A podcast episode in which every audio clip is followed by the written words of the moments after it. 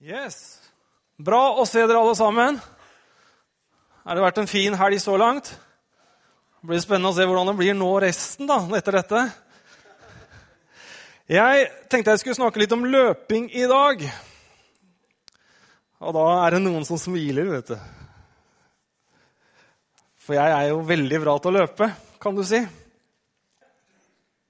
Noen ganger så føler jeg i hvert fall at jeg har løpt ganske mye, men jeg vet ikke helt om det er sånn type løping som uh, de andre tenker på, som uh, man vanligvis forbinder med løping. Men uh, noen løp de er kortsiktige, noen de er langsiktige. Noen føles bratte oppover, og de er også like bratte nedover. Det føles ikke så godt når man løper bratt nedover. Har noen som har prøvd å løpe skikkelig fort nedover noen gang? Mange av dere er som løper her, forresten? må jeg høre. Ole løper, Erik løper, Johan, Erik, Henrik. Er noen frimodige her? Altså, er det noen av dere andre som har prøvd å løpe noen gang, eller? Hvor mange av dere løper løp, da? Det er to stykker her. Sist gang jeg løp løp, det var i 1987 i New Orleans i 37 grader og 85% fuktighet. Det er det verste jeg har vært med på. Men det ble ikke siste gangen jeg løp, selv om jeg ikke har vært i så mange andre løp etter det. Eh, de fleste av oss løper til middag, løper til jobben, løper til skolen. Vi løper og vi løper, og det er egentlig ganske slitsomt. Og selv om vi ikke har noen tidstaker, så føler vi egentlig at det er noen som klokker oss inn stadig vekk. Liksom, vi skal greie det, og vi skal rekke det, vi skal innom der, og vi skal det, og vi skal det, og vi skal det. Og det er ganske heftig. Jeg tenkte at jeg skulle vise noen bilder. Det der er vel kanskje sånn vi ofte kunne tenke oss at det var bare korte distanser. De fleste av oss greier å løpe ganske kort. Gjør vi ikke det? Men når vi passerer 500 eh, meter, 1000 meter, så kan det hende at det bare ah, blir litt heftig. Du vet at I Wikipedia så står det at løping er den raskeste måten et levende vesen kan forflytte seg til fots. I sport er løping når alle bena er i luften på et tidspunkt. Da kan vi tenke på han der bergenseren som driver med kappgang. Han uh, har jo ikke alltid, Det er jo det de alltid blir diska på, at de har begge beina i lufta på samme tid. Visste du det? Løping har mange positive effekter. I tillegg til bedre kondisjon, som f.eks. dannelse av flere kapillærer. Ved løping blir det dannet endorfiner som virker smertestillende. En teori sier at den økte endorfindannelsen bidrar til den gode følelsen ved løping. Jeg har tenkt å snakke litt om løping i Guds rike i dag. Og ikke som en stressgreie. Jeg tenkte jeg skulle prøve å dra noen paralleller til eh, den lille løpinga jeg har, og så hvordan det kanskje kan være i livets løp, hvis vi kan kalle det sånn. Um, vet dere hva verdensrekorden i maraton er? Noen som har peiling? Halvannen time. Den er på eh, 2.03. Vi skal komme tilbake til han seinere. Men jeg må ha et par bilder til. Eh, sånn er det også noen som driver på. De tror i hvert fall det er sånn. De løper litt fortere enn det de tenker. Eh, kanskje så fort at de egentlig ikke får med seg det de skal få med seg. Og da kommer det et vers i 2. Tessalonikerne 3, 3, vers 5. Så står det, det at må Herren styre deres hjerter til å elske Gud og vente på Kristus med tålmodighet. Det er litt sånn noen kanskje tenker i Guds rike, at de løper litt fortere enn eh, Gud. Det føles i hvert fall sånn. Vi får ikke med seg alt. Dette er jo et klassisk bilde. Mine dager går fortere enn noen kan løpe. De flyr, og jeg får ikke oppleve lykke. Den følelsen tror jeg de fleste av oss kanskje har når det gjelder det å løpe. Eh, jeg er jo ingen stor spillentusiast. Jeg kan ikke si at jeg spiller mye data, video, og TV-spill. Det er skikkelig dårlig, rett og slett. Jeg har aldri hatt tid til det. Jeg har løpt for mye, for å si det sånn. Men eh, jeg har skjønt noe da, når jeg har spilt de få gangene jeg har gjort med gutta mine, at det er viktig å velge riktig bane. Og kanskje du etter i dag kanskje velger en litt annen bane. Det er level, det er nivåer. Alle, alle, vet det, at det er nivåer. Noe er veldig lett, og noe er veldig vanskelig. Og så er det noe med det å velge riktig nivå på det du driver med. Og kanskje Du kan få lov til å oppleve lykke når du velger en litt annen bane. Dagens vers er dette. Derfor, når vi har så stor en sky av vitner omkring oss, så la oss legge av alt som tynger, og synden som så lett fanger oss inn, og med utholdenhet fullføre det løpet som ligger foran oss. Med blikket festet på Han som er troens opphavsmann og fullender, Jesus.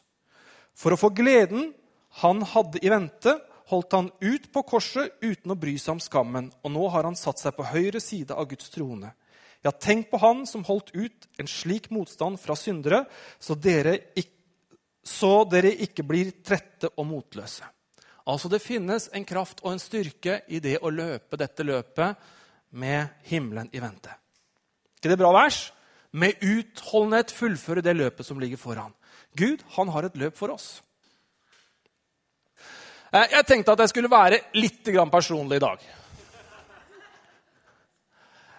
Har noen av dere Runkeeper? Yes, mange har lasta ned den appen. Vet du hva, Det gjorde jeg i april tror jeg, i 2012. Og jeg syntes det var veldig fint om sånn app vet du, skulle løpe. Nå skulle jeg begynne, tenkte jeg. Og eh, det gikk også godt over et år før den appen ble skikkelig begynte å bli brukt. Og jeg syns det var eh, gøy eh, å ha sånn app, og det var kult å kunne måle alskens mulige rariteter. Og så fant jeg ut i sommer at dette gikk jo egentlig ikke. Jeg måtte finne noe annet uh, skjema enn det jeg hadde gjort tidligere. Du vet at uh, Noen ganger det der å løpe Paulus han snakker om det om løpebanen. ikke sant? Og Da ser vi foran oss et stadionanlegg i romersk tid. gjør vi ikke det? Og så løper man liksom rundt i den ringen. og Sånn som det er på et vanlig friidrettsanlegg i dag også. Men, men, jeg føler jo liksom at livet er litt mer sånn som dette her. Litt krokete, litt opp og ned, litt fram og tilbake, litt til sida. Og jeg måtte da krype til korset for å si det sånn i sommer, og så bestemme meg. Hvor mange har gjort noen bestemmelser som de ikke har fulgt noen gang? Har dere gjort noen bestemmelser sånn liksom, ja, Nå skal jeg begynne. Nå er det Og så måtte jeg begynne å la bestemmelsen bestemme videre hvordan ting skulle bli. Og dette her er ingen reklame for at du må begynne å løpe fysisk. sånn, begynne å komme i form. Det er greit og fint, men dette er egentlig bare en illustrasjon på hvordan livet vårt kan være. Og så fant du ut at nå skal jeg lage dette som ei løype, og så skal vi ta en liten rundtur. Så skal dere få se hvordan jeg løper. Jeg har ikke filma, men jeg har tatt noen bilder, og så, og så tenkte jeg skulle knytte noen ting rundt det. Er det greit? Yes. Eh, dette er Teieskauen. Det fins alltid en unnskyldning og min unnskyldning, den var mange. Jeg, for det første så begynte man at jeg hadde jo ikke noe løpeklær. Jeg hadde jo ikke noe ordentlig treningstøy, så jeg kunne jo ikke løpe. Ja, dere kan le, sant. Liksom, du må jo ha noe, må jo ha joggesko hvis du skal løpe. Så jeg fant ut at ja, jeg får kjøpe meg noen eh, joggesko. og var, i London i januar i 2012, og så kjøpte jeg løpesko og shorts og det jeg trengte. Men det hjalp jo ikke så mye. Jeg kom jo ikke noe fortere i gang selv om jeg hadde fått de skoa og den der jakka og genseren og dry fit og jeg vet ikke hva. Det er liksom så fantastisk med Nike. ikke sant? Du føler deg som en konge når du har det på, men eh, det ble jo ikke noe løping av det. Eh, og jeg eh, hadde jo så vonde knær, og da liksom hadde jeg erfart noen ganger vært ute og gått, at det var så vondt å gå nedover. Så, så, nei, det var ikke bra å løpe da. Ikke bra å løpe. Og jeg brukte det som en god unnskyldning for ikke å begynne. Og Sånn er det vel kanskje litt i kristenlivet også. Det er liksom en hel del ting vi ser at kanskje burde vært gjort noe med, men vi, det, vi finner en god unnskyldning for ikke å gjøre noe med det.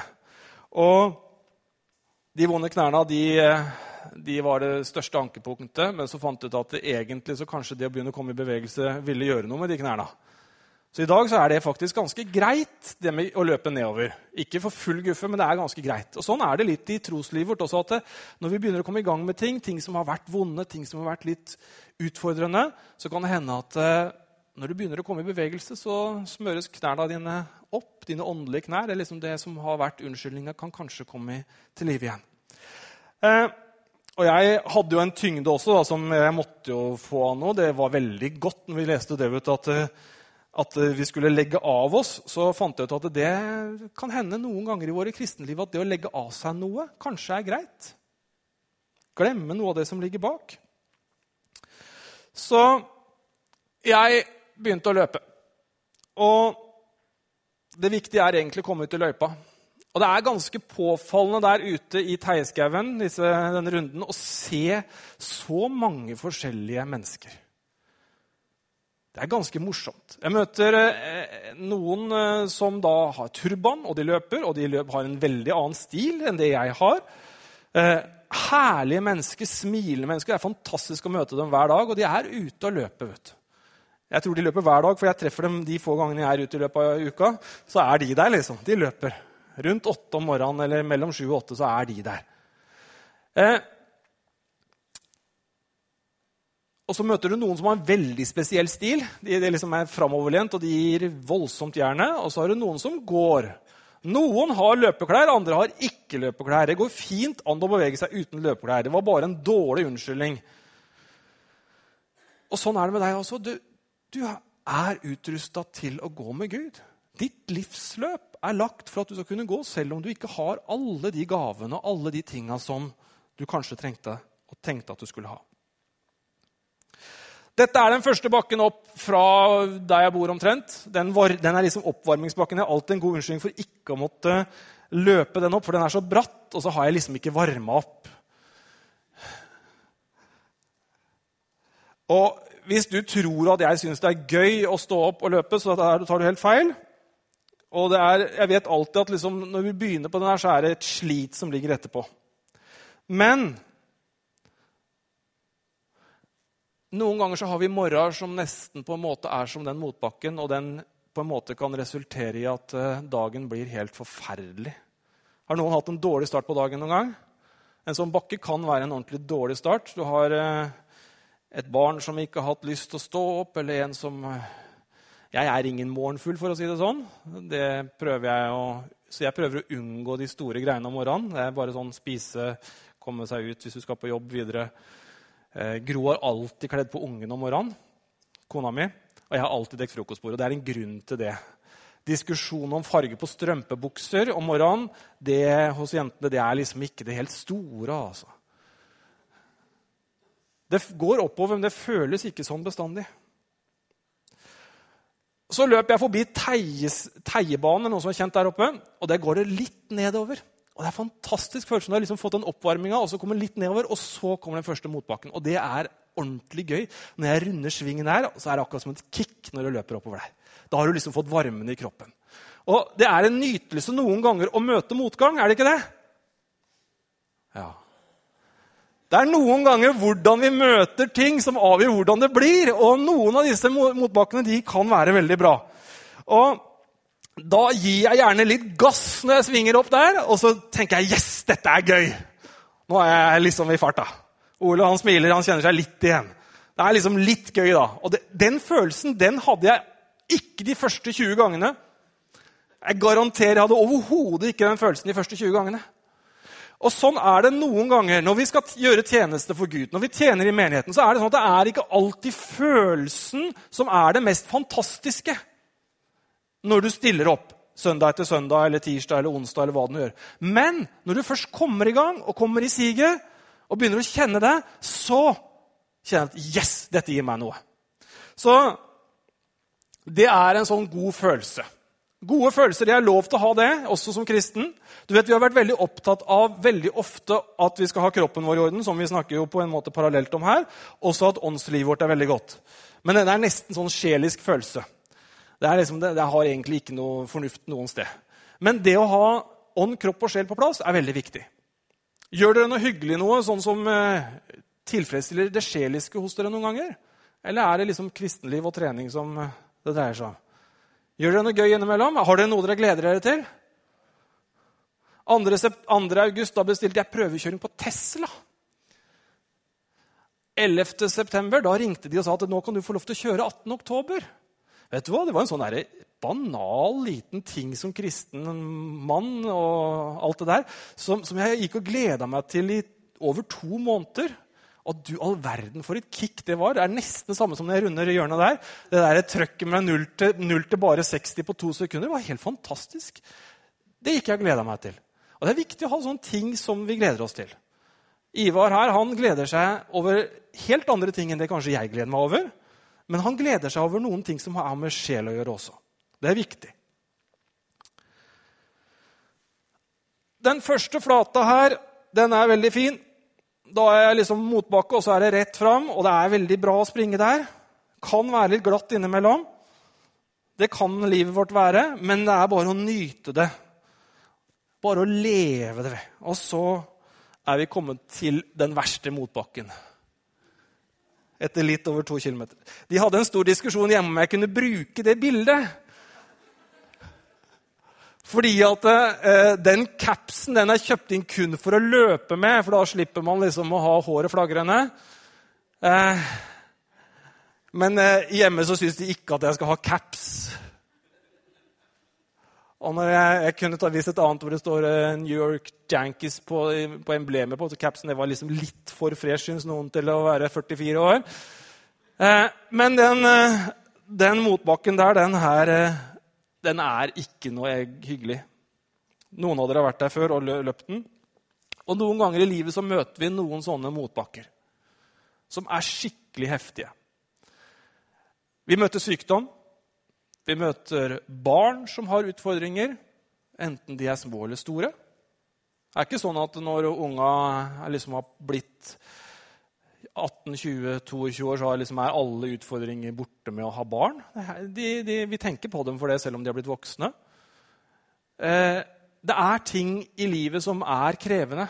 Og jeg tror de fleste av oss har hatt krevende tid i vårt vanlige daglige liv og i vårt kristenliv. Og i det å, å leve, rett og slett. Så da er det egentlig ofte bare å ta fatt og gå videre. Du vet at I Jobb 2,29 så står det når det fører nedover, skal du si oppover. Han skal frelse den som slår sitt øye ned. Og jeg tenkte, verden, Kan jeg bruke det verset der? da? Han sier jo det, når det går nedover, så går det skal, skal du si oppover? Men det føles i hvert fall som det går nedover når du løper oppover. Der. Det er ikke noe godt. Du føler at du, du ikke har det så veldig bra. Og så trikset mitt da, når jeg løper der det er sikkert, Dette har jo ingen idrettsfaglige greier, så glem alt det der. Men jeg tar meter for meter. Jeg ser ned. Jeg ser liksom, jeg greier ikke å løfte blikket så høyt at jeg ser toppen der, for den svinger litt. Men, men jeg tar meter for meter. Og sånn er det noen ganger i vårt liv. Vi må ta meter for meter. Hvis du skulle tatt og vært der helt på toppen, så hadde det vært ganske utfordrende å skulle være der og, og greie det. Men jeg tar én meter av gangen. Og hun gikk ikke så fort, hun dama der som gikk foran meg med den bikkja. Jeg passerte Hun måtte lure veldig, da, for at borti der så tok jeg et annet bilde. Og hun passerte meg et par ganger når jeg drev og tok disse bildene mine. Jeg løp ute og løp tur og tok bilder. Det så helt corny ut, for å være helt ærlig.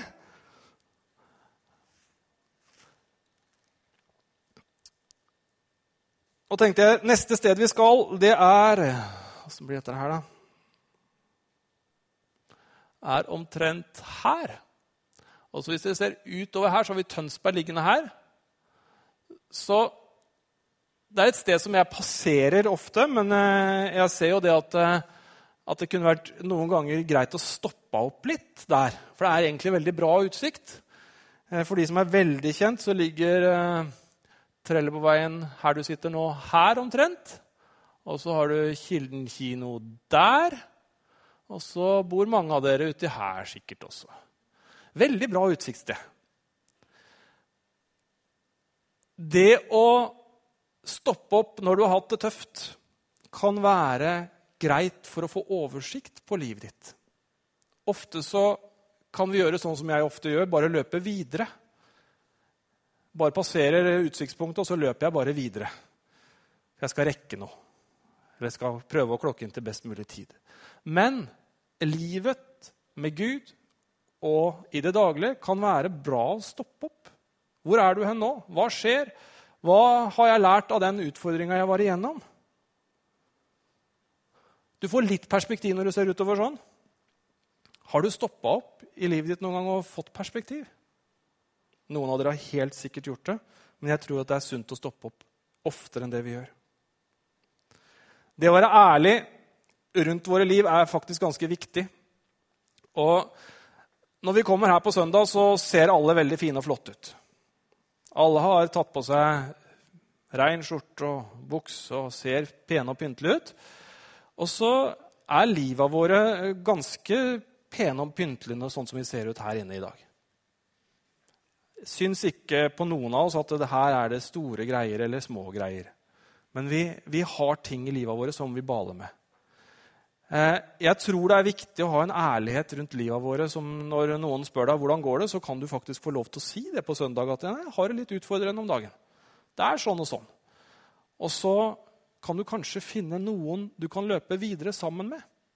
Og stå sammen med. Noen som kanskje kan forklare deg litt av hva du ser, og hva du står i. Sånn som her. Du hadde ikke sett at det var trelleborg hvis ikke det er kanskje noen av dere som kjenner det punktet i Teigskauen, men det er ikke så mange av dere som hadde sett hva det var for noe der borte. Men dere kunne kanskje fått hjelp til å få det forklart. Sånn er det å være kristen også. Men for å kunne finne ut av det, så må vi stoppe opp, og så må vi være ærlige. Når jeg er nesten hjemme og har runda, og det har vært egentlig veldig Jeg kan gå et hakk tilbake. Den siste biten av løypa, denne fire kilometeren, er ganske grei og flat. Og det er sånn det ofte føles. Det er veldig fint. Og når jeg kommer da på neste punkt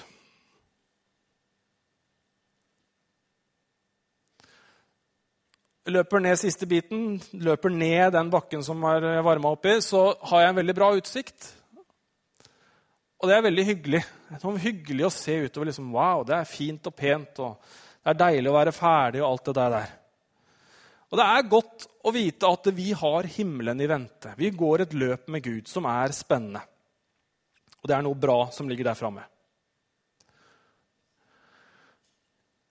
I Salme 119, vers 32 så står det det at eh, jeg vil løpe den veien dine bud viser, for du gjør mitt hjerte stort. Og akkurat som vi leste her om eh, hva det gjorde med hjertet vårt, og endorfiner og kapillærer, så er det noe med det at når vi løper og går et løp med Gud, så skaper det et større hjerte hos oss. ikke det bra? Du får litt større kondisjon. Og jeg tenker at Stort hjerte, det er noe som er bra å ha, er det ikke det?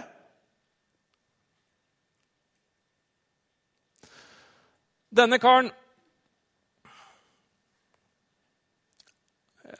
er han som har verdensrekorden i maraton. Han heter Wilson Kipsang. Noen som har hørt om ham før?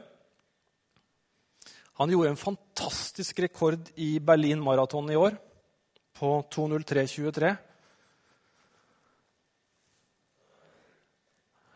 De prøvde uka etterpå å sette på en sånn tredemølle på gjennomsnittshastigheten hans, som var på 20,5 km i timen. Og så heiv de på gode trenere, eller gode folk, da, idrettsfolk i Norge, og så sa de, prøv å løpe. da. Se hvor lenge du greier.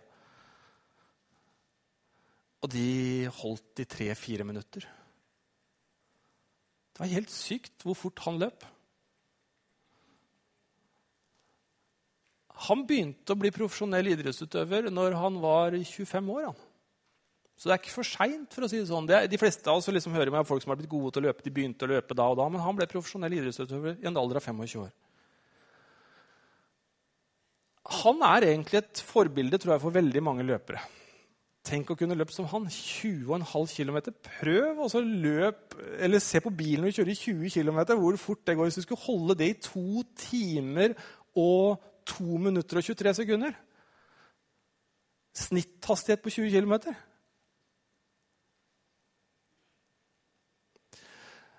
Men han løp ikke alene. Og det er kanskje det mest oppmuntrende med det å være kristen.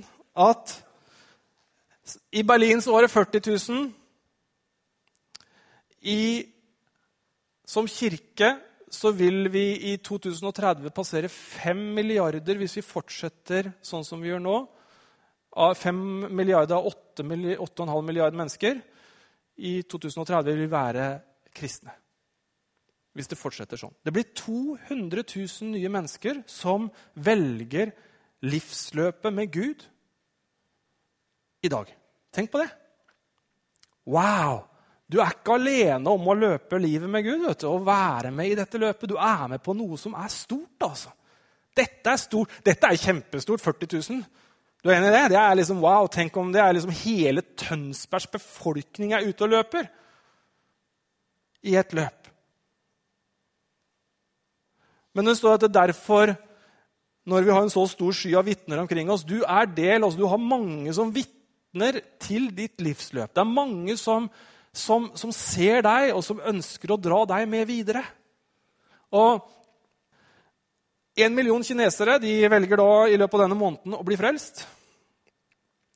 Og Det som er litt morsomt her, er jo at det er jo ufattelig mange klasser her. da. Det er, liksom ikke, er liksom ikke bare de som løper sammen med han Wilson. Det er ikke, det er ikke bare toppidrettsutøvere. Det er ikke 40 000 av de mest, beste løperne i verden som stiller der. Men det er mange som har det samme utgangspunktet som deg og meg, og som reiser ned dit for å løpe. Det er sånn i kirka også at det er mange forskjellige utgangspunkt. Og det som jeg tenker ofte på, det er at hvordan skal vi som kirke trekke på generasjon på generasjon? Vi er veldig velsigna her i Bykirken. Vi har mange generasjoner. Men det er faktisk utrolig viktig at vi greier å trekke på hverandre som generasjoner. Når vi løper sammen med noen, så er det ofte litt lettere. Det er mye gøyere å løpe der enn når jeg løper rundt alene i den løypa der. som jeg løper. Det er riktignok mye lenger, men det er mye gøyere òg. For et liv å være en del av.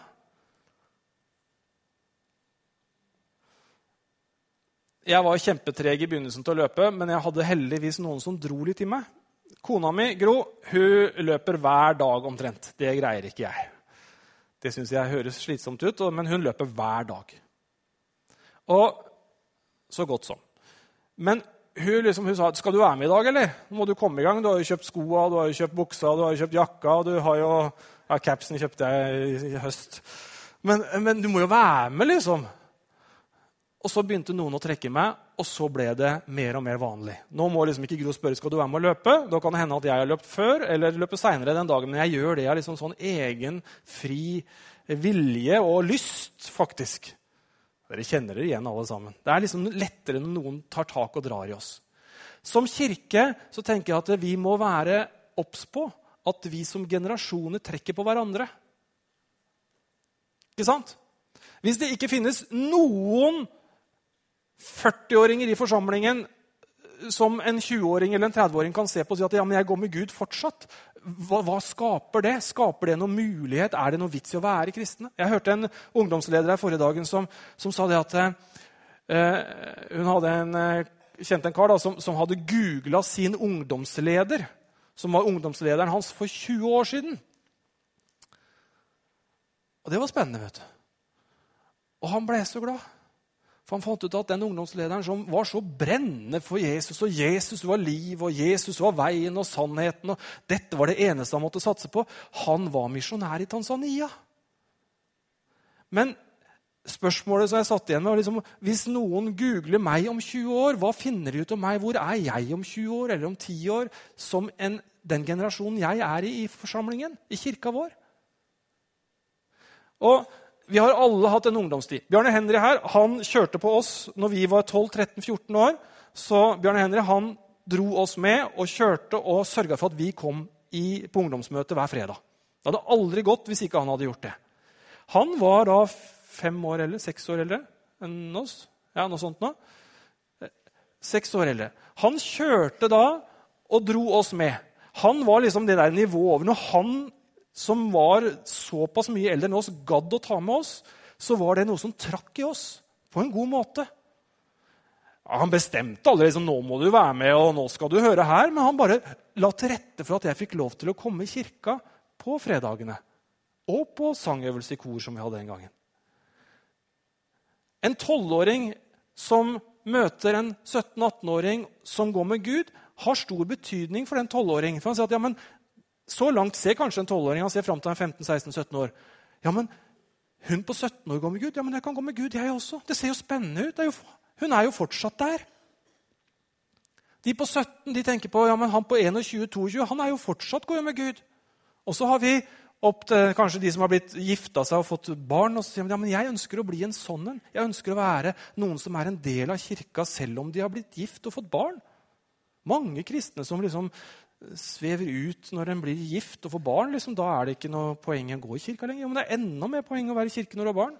Vi, her, vi har jo over 40 unger ofte på gudstjeneste på søndag. Det går an å være med da også. Det at vi trekker på generasjoner og drar i hverandre på en god måte, er faktisk utrolig viktig. Vi har bruk for alle generasjoner i vår kirke. Vi har bruk for at du som har passert 70, du er viktig å se opp til. Det er viktig at du faktisk er her på søndagene. Og vi ser at ja, men du går med Gud, du ønsker fortsatt å gå med Gud. Det er et poeng å møte på søndag, selv om du liksom er over eh, 30-40-åra. Ikke sant? Det er ganske alvorlig, men det er en betydning at vi er her på søndag. Det er en betydning å se deg. Det er en betydning ikke for din egen del bare, men også for de rundt deg.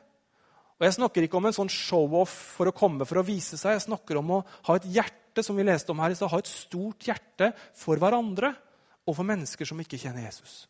Utrolig viktig. Og Når vi løper med Gud, så tror jeg faktisk at det gir overskudd. Akkurat som når vi leste om at det gir god, en god smertelindring, så leste vi om at det sto i Wikipedia når man løp. Det er faktisk det er en god lindring i å ha fellesskap som Guds folk. Å være i kirke. Gud han ønsker det, at vi skal ha fellesskap. Han bygde og han tilrettela en forsamling, en kirke, for at der skulle Guds herlighet åpenbares. Dette var stedet. Her hos oss så skal på en måte løpet gå. Maratonet og jeg gleder meg til å kunne virkelig være en ordentlig sånn synlig sak i bykirken som kirke. I løp, spesielt på bane, så har noen av dere sett harer på løp, i løp. Noen som vet hva harer i løp er? Ja, det er en eller annen som er en sånn slags opptrekker for å få en eller annen rekord. I Golden League så bruker de ofte harer for å få en rekord på 400 meter eller 800 meter. Men jeg ønsker å utfordre deg til ikke å være en hare, en som er opptrekker halve distansen. Men jeg ønsker å utfordre deg til å være en som står løpet ut sammen med oss andre i kirka vår.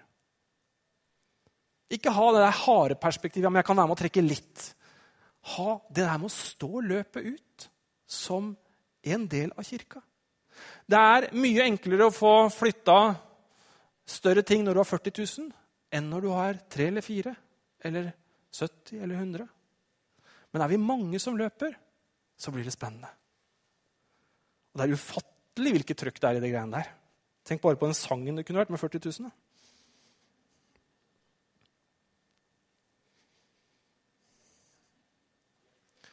Tenk på kollekten, ja. Ja, Det har jo vært helt utrolig. For en kollekt! Ja, men tenk hva, hva, Jeg vet ikke hva de betaler for å være med, men det er sikkert litt kroner, det. altså. Eh, min runkeeper, som jeg lasta ned for over to år siden, den var grei, den. Men den var ikke til noe nytte før jeg begynte å bruke den. Vi kan på mange måter si at den tar vare på de dataene fra mine gode løp og mine dårlige løp. Det er mange løp som føles blytunge, og som ikke har vært pers, for å si det sånn. I går var det veldig bra når jeg løp, men forrige dagen var det helt elendig. Men kanskje vi kunne ha en sånn Christ-keeper, hvor vi på en måte bare tar, gjør erfaringene våre, hvor, hvor vi tar vare på de tinga som har skjedd, men allikevel starter på nye løp hver dag. Det står at eh, Jesus sier at vi, vi, skulle ta opp vårt kors hver dag. Jeg tror Jesus visste veldig godt hvordan vi er som mennesker, og han hadde prøvd det sjøl. Det der på en måte å ta opp korset hver dag handler om at vi hver dag møter en ny dag som vi trenger å kunne ta opp korset og kunne gå med Gud.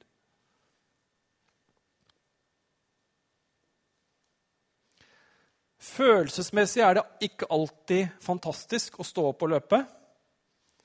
Men det er nødvendig mange ganger.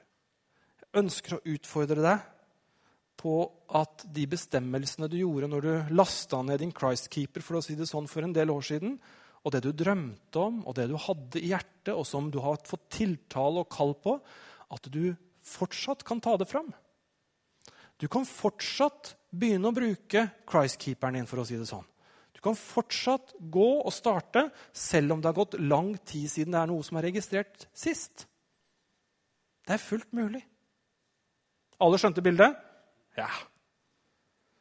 Så i dag vil jeg utfordre oss alle, meg sjøl inkludert, på å gå videre. Og jeg håper at vi kan være mange som løper sammen for Gud.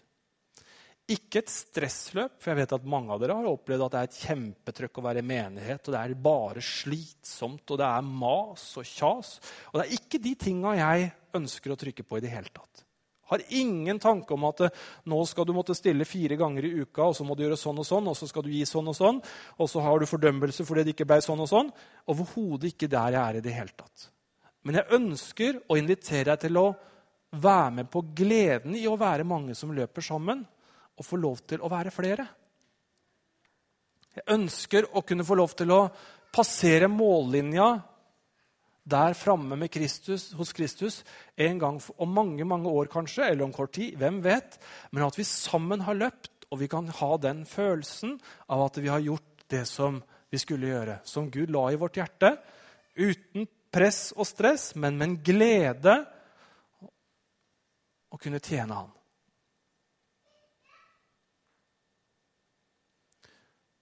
Kanskje du er her i dag som ikke kjenner Jesus i det hele tatt, og ikke skjønner det. Men da vi skjønner helt hva vi snakker om, men, men allikevel kjenner at ja, det er noe inni meg her. Det er noe som sier at dette er spennende.